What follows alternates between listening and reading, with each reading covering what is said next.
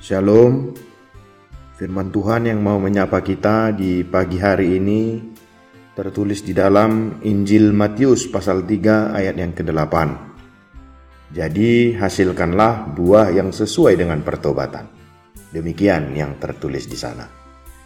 Pertobatan adalah bagian terpenting dalam kehidupan kekristenan. Kekristenan tanpa disertai dengan pertobatan adalah sia-sia.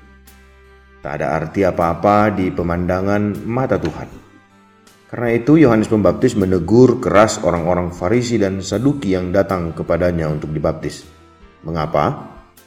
Karena ibadah dan pelayanan yang mereka jalankan itu tak lebih dari sekedar kegiatan agamawi semata. Sekalipun mereka tampak mahir dan fasih tentang hukum Taurat, tetapi mereka sendiri tidak pernah melakukan Taurat tersebut.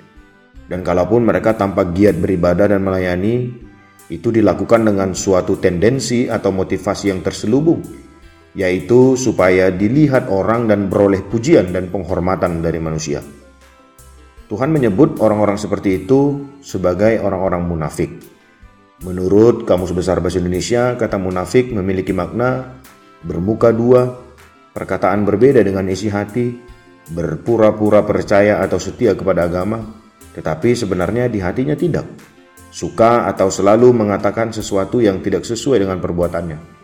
Tuhan pun mengibaratkan keberadaan mereka seperti kuburan yang dilabur putih, yang sebelah luarnya memang bersih tampaknya, tetapi yang sebelah dalamnya penuh tulang belulang dan pelbagai jenis kotoran.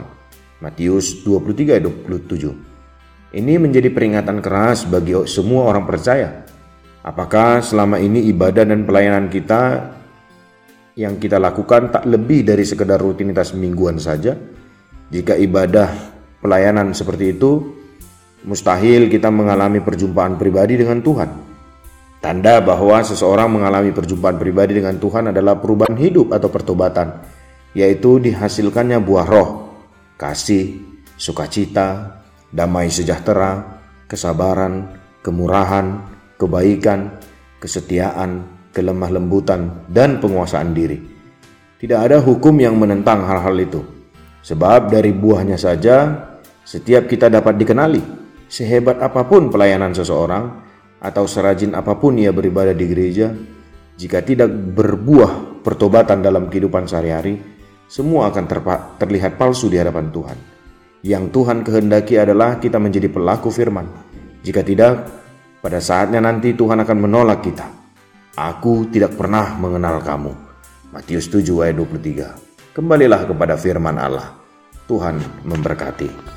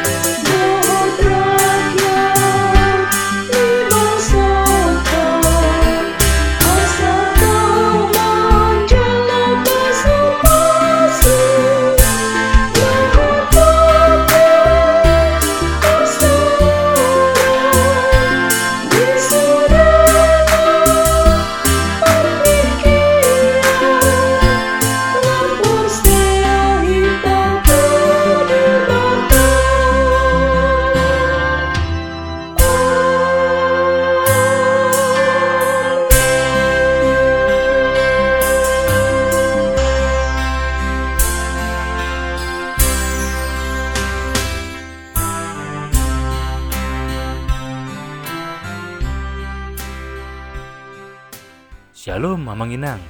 Terima kasih sudah mengawali hari dengan mendengarkan renungan hari ini. Yuk bagikan renungan harian ini kepada keluarga kita. Sampai jumpa di renungan harian berikutnya ya. Tuhan Yesus memberkati.